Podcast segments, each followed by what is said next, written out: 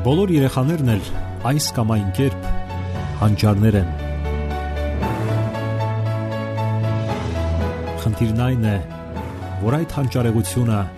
այս կամ այն կերպ ի հայտ բերվի։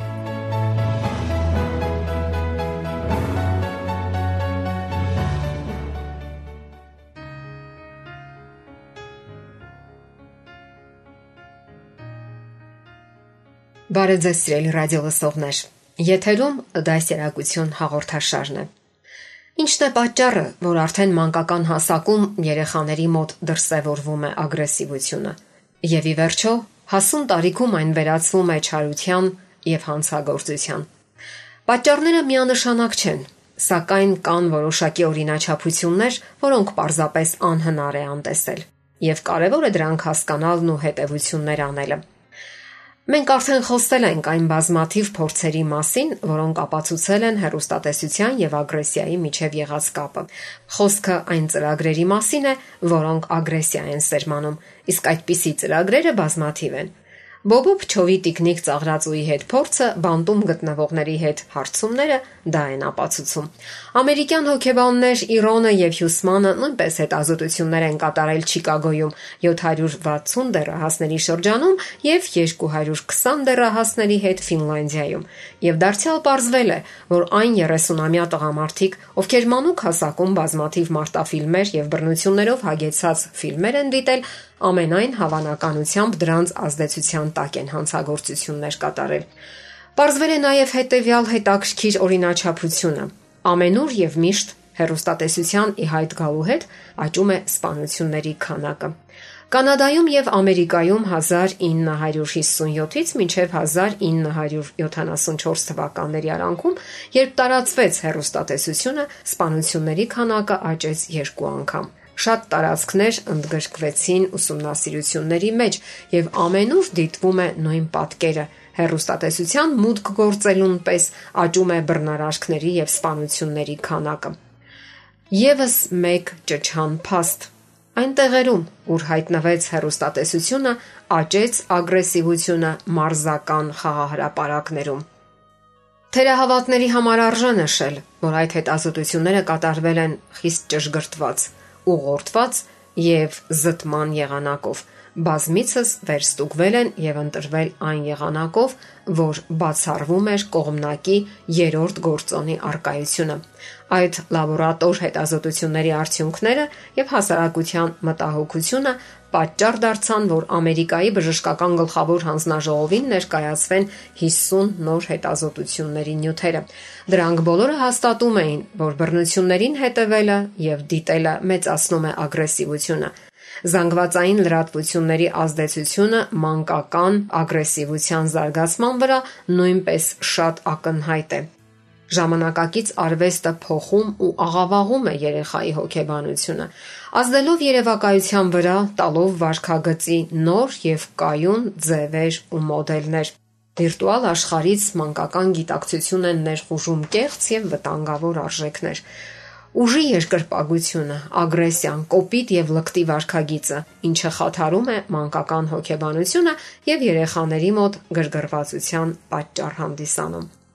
Արևմտյան մուլտֆիլմերում տեղի է ունենում ագրեսիվության շեշտադրում։ Բազմիցս կրկնվում են սադիստական տեսարանները, երբ մուլտֆիլմի հերոսը ինչ որ մեկին ցավ է պատճառում, ինչը երեխաների մոտ շեշտադրում է եւ կենտրոնացնում ուշադրությունը ագրեսիայի վրա եւ ի վերջո նպաստում վարքագծի համապատասխան մոդելների ձևավորմանը։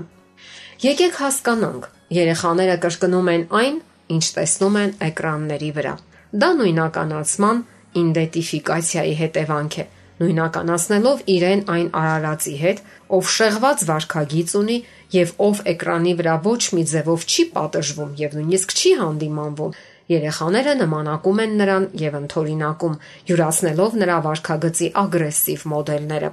Հոկեբան Ալբերտ Բանդուրան դեռևս 1970-ական թվականներին ասում էր, որ մեկ հերոստատեսային մոդելը կարող է դառնալ նմանակման առարկա միլիոնավոր մարդկանց համար, այդ թվում ցավոք երեխաների։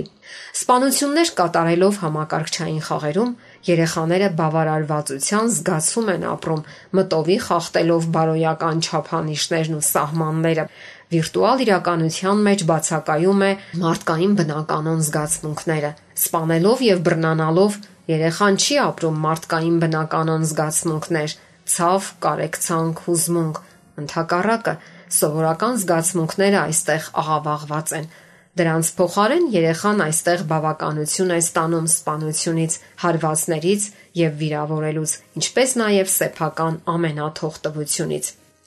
Եվ այսպես, ինչ է տեղի ունենում մանկական փխրուն եւ անպաշտպան հոգեբանության հետ։ Այն պարզապես խեղվում է, յուրացնելով իրեն ոչ հատուկ վարքագից՝ ագրեսիա, որովհետև հերոստատեսային էկրանների վրա ամեն ինչ տեղի է ունենում այնքան բնական եւ նույնիսկ գեղեցիկ, որ համարյա ճշմարտությանը մոտիկ է։ Իսկ ինչու չնայել եւ չընթորինակել, եթե մեծահասակները իրենք մեծ բավականությամբ դիտում են, հիացած քննարկում եւ ի վերջո նաեւ չեն արգելում։ Այո, չեն արգելում, որովհետեւ չեն զգում այն մեծ վտանգը, որը ներարկվում է մանկական անպաշտպան հոգեբանության մեջ հսկայական քանակությամբ ագրեսիայից, բռնության տեսարաններից։ Իսկ ագրեսիան շողացող կապույտ էկրաններից մատուցվում է, ուղեկցվում գեղեցիկ, պայծառ տեսարաններով ու պատկերներով, որն ազդում է մանկական երևակայության վրա եւ նմանակելու անհագ ցանկություն առաջացնում։ Չէ՞ որ այդ հերոսները հակնված են գեղեցիկ, գտնվում են գեղեցիկ շինություններում, տեսարանները նույնպես գեղեցիկ են, բնություն եւ այլն։ Եվ այստեղ էլ տեղի են ունենում բռնության, ծեծկռտուքի, ագրեսիայի վարքագծի, եթե ոչ սպանության տեսարանները։ Ամեն ինչ այնքան մոտ է իրականին, եւ դա ձգում է, հմայում է երեխաներին։ Գեղեցիկի մանկական պատկերացումները մաքուր են եւ անաղարտ, սակայն դրանց փոխարեն ներարկվում են սադիստական, ագրեսիվ պատկերացումներ, եւ դա լղոզում կամ ջնջում է գեղեցիկի այդ պատկերացումները Այդպիսով ձևավորվում է գեղագիտական նոր ընկալում, վարքագծի այլ մոդել։ Երեխաները ցանկանում են նորից ու նորից դիտել դրանք, եւ այդ ամենը ընկալում են որպես բնականon, կարծես հենց այդպես էլ պետք է լինի։ Ցավոք, այս ամենը տեղի է ունենում մեծահասակների լուր համաձայնությամբ եւ թողտվությամբ, եթե ոչ խրախուսանքով։ Երեխան պետք է կարողանա պաշտպանել իրեն, ասում են նրանք Երեխան պետք է կարողանա խփել ու հարվածել, եւ սա վերածվում է ողբերգության, ընտանեկան, հասարակական կյանքում եւ ընդհանրապես։ Հարգելի ծնողներ,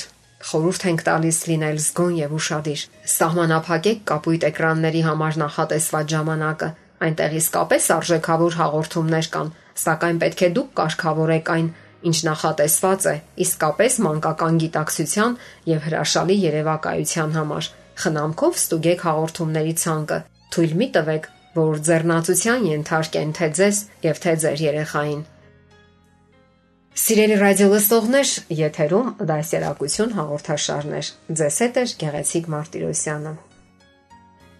Ձեզ ուզող հարցերի համար կարող եք զանգահարել 093 00 63 27 կամ 094 93 55 77 հեռախոսահամարներով։